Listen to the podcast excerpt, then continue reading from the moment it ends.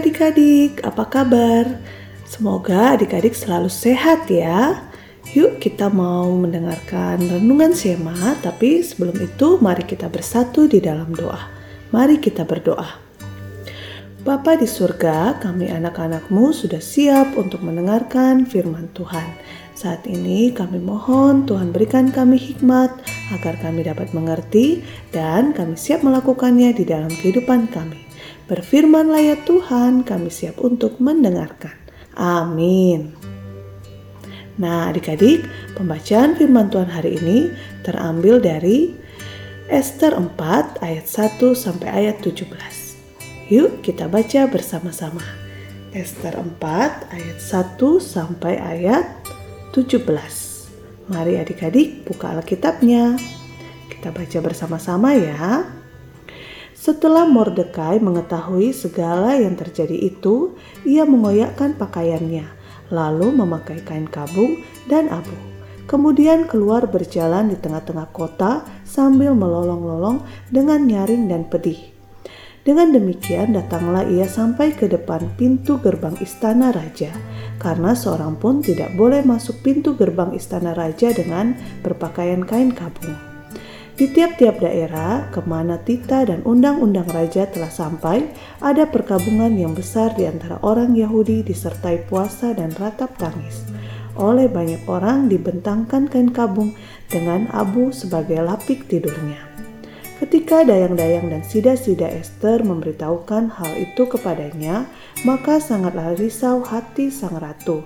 Lalu dikirim dikirimkannya lah pakaian supaya dipakaikan kepada Mordekai dan supaya ditanggalkan kain kabungnya daripadanya, tetapi tidak diterimanya. Maka Esther memanggil Hatta, salah seorang sida-sida raja yang ditetapkan baginya melayani dia, lalu memberi perintah kepadanya menanyakan Mordekai untuk mengetahui apa artinya dan apa sebabnya hal itu. Lalu keluarlah Hatta mendapatkan Mordekai di lapangan kota yang di depan pintu gerbang istana raja. Dan Mordekai menceritakan kepadanya segala yang dialaminya, serta berapa, banyak, berapa banyaknya perak yang dijanjikan oleh Haman untuk ditimbang untuk perbendaharaan raja sebagai harga pembinasaan orang Yahudi juga salinan surat undang-undang yang dikeluarkan di Susan untuk memunahkan mereka itu. Diserahkannya kepada Hatta supaya diperlihatkan dan diberitahukan kepada Esther. Lagi pula Hatta disuruh menyampaikan pesan kepada Esther supaya pergi menghadap raja untuk memohon karunia-Nya dan untuk membela bangsanya di hadapan Baginda. Lalu masuklah Hatta dan menyampaikan perkataan Mordekai kepada Esther. Akan tetapi, Esther menyuruh Hatta memberitahukan kepada Mordekai, semua pegawai raja serta penduduk daerah-daerah kerajaan mengetahui bahwa bagi setiap laki-laki atau perempuan yang menghadap raja di pelataran dalam dengan tiada dipanggil hanya berlaku satu undang-undang yakni hukuman mati. Hanya orang yang kepadanya raja mengulurkan tongkat emas yang akan tetap hidup dan Aku selama 30 hari ini tidak dipanggil menghadap raja. Ketika disampaikan orang ke perkataan Esther itu kepada Mordekai, maka Mordekai menyuruh menyampaikan jawab ini kepada Esther. Jangan kira karena engkau di dalam istana raja, hanya engkau yang akan terluput dari antara semua orang Yahudi. Sebab sekalipun engkau pada saat ini berdiam diri saja, bagi orang Yahudi akan timbul juga pertolongan dan kelepasan dari pihak lain, dan engkau dengan kaum keluargamu akan binasa. Siapa tahu, mungkin justru untuk saat yang seperti ini engkau beroleh kedudukan sebagai ratu. Maka Esther menyuruh menyampaikan jawab ini kepada Mordekai. Pergilah, kumpulkanlah semua orang Yahudi yang terdapat di Susan dan berpuasalah untuk aku. Janganlah makan dan janganlah minum tiga hari lamanya, baik waktu malam, baik waktu siang Aku serta dayang-dayangku pun akan berpuasa demikian. Dan kemudian aku akan masuk menghadap raja. Sungguh pun berlawanan dengan undang-undang. Kalau terpaksa aku mati, biarlah aku mati. Maka pergilah Mordekai dan diperbuatnyalah tepat seperti yang dipesankan Esther kepadanya. Demikianlah pembacaan firman Tuhan. Adik-adik, hari ini tema renungan kita adalah dipilih untuk sebuah misi. Sekali lagi, Papa terpilih sebagai ketua rukun warga di lingkungannya. Meskipun pernah ada niat untuk berhenti dan menolak pencalonannya, namun Papa bisa menunjukkan niatnya yang baik dan memikirkan kepentingan warga, sehingga pada akhirnya dia menerima pencalonan dan kemenangannya diperoleh sebagai ketua RW.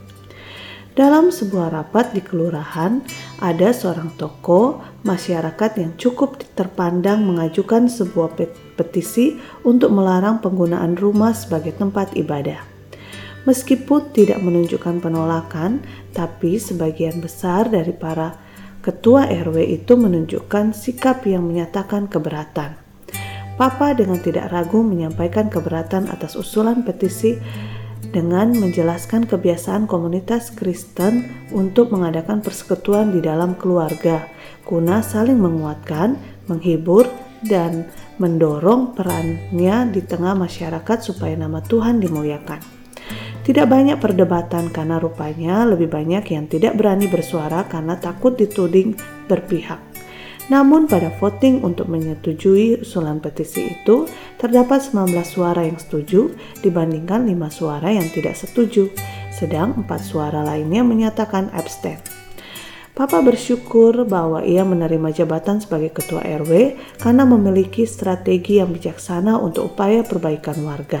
Papa ditetapkan Tuhan kembali menjadi ketua RW agar menggunakan hak suaranya dalam forum kelurahan ini demi untuk kebaikan seluruh warga.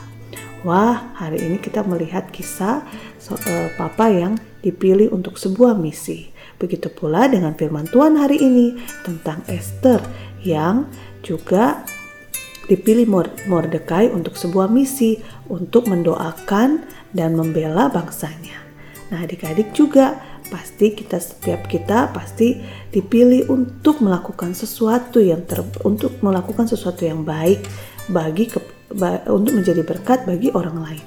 Nah, yuk adik-adik kita mau sama-sama katakan, aku mau bertanggung jawab atas pilihan Tuhan kepada diriku. Sekali lagi ya, aku mau bertanggung jawab atas pilihan Tuhan kepada diriku. Mari kita bersatu di dalam doa. Bapa di surga, kami anak-anakmu bersyukur engkau memilih kami untuk sebuah misi, untuk menjadi berkat bagi orang-orang di sekitar kami. Biarlah kami boleh senantiasa terpanggil dan kami siap melakukan sesuatu yang baik untuk orang-orang di sekitar kami. Terima kasih Bapa di surga di dalam nama anakmu Tuhan kami Yesus Kristus kami sudah berdoa. Amin.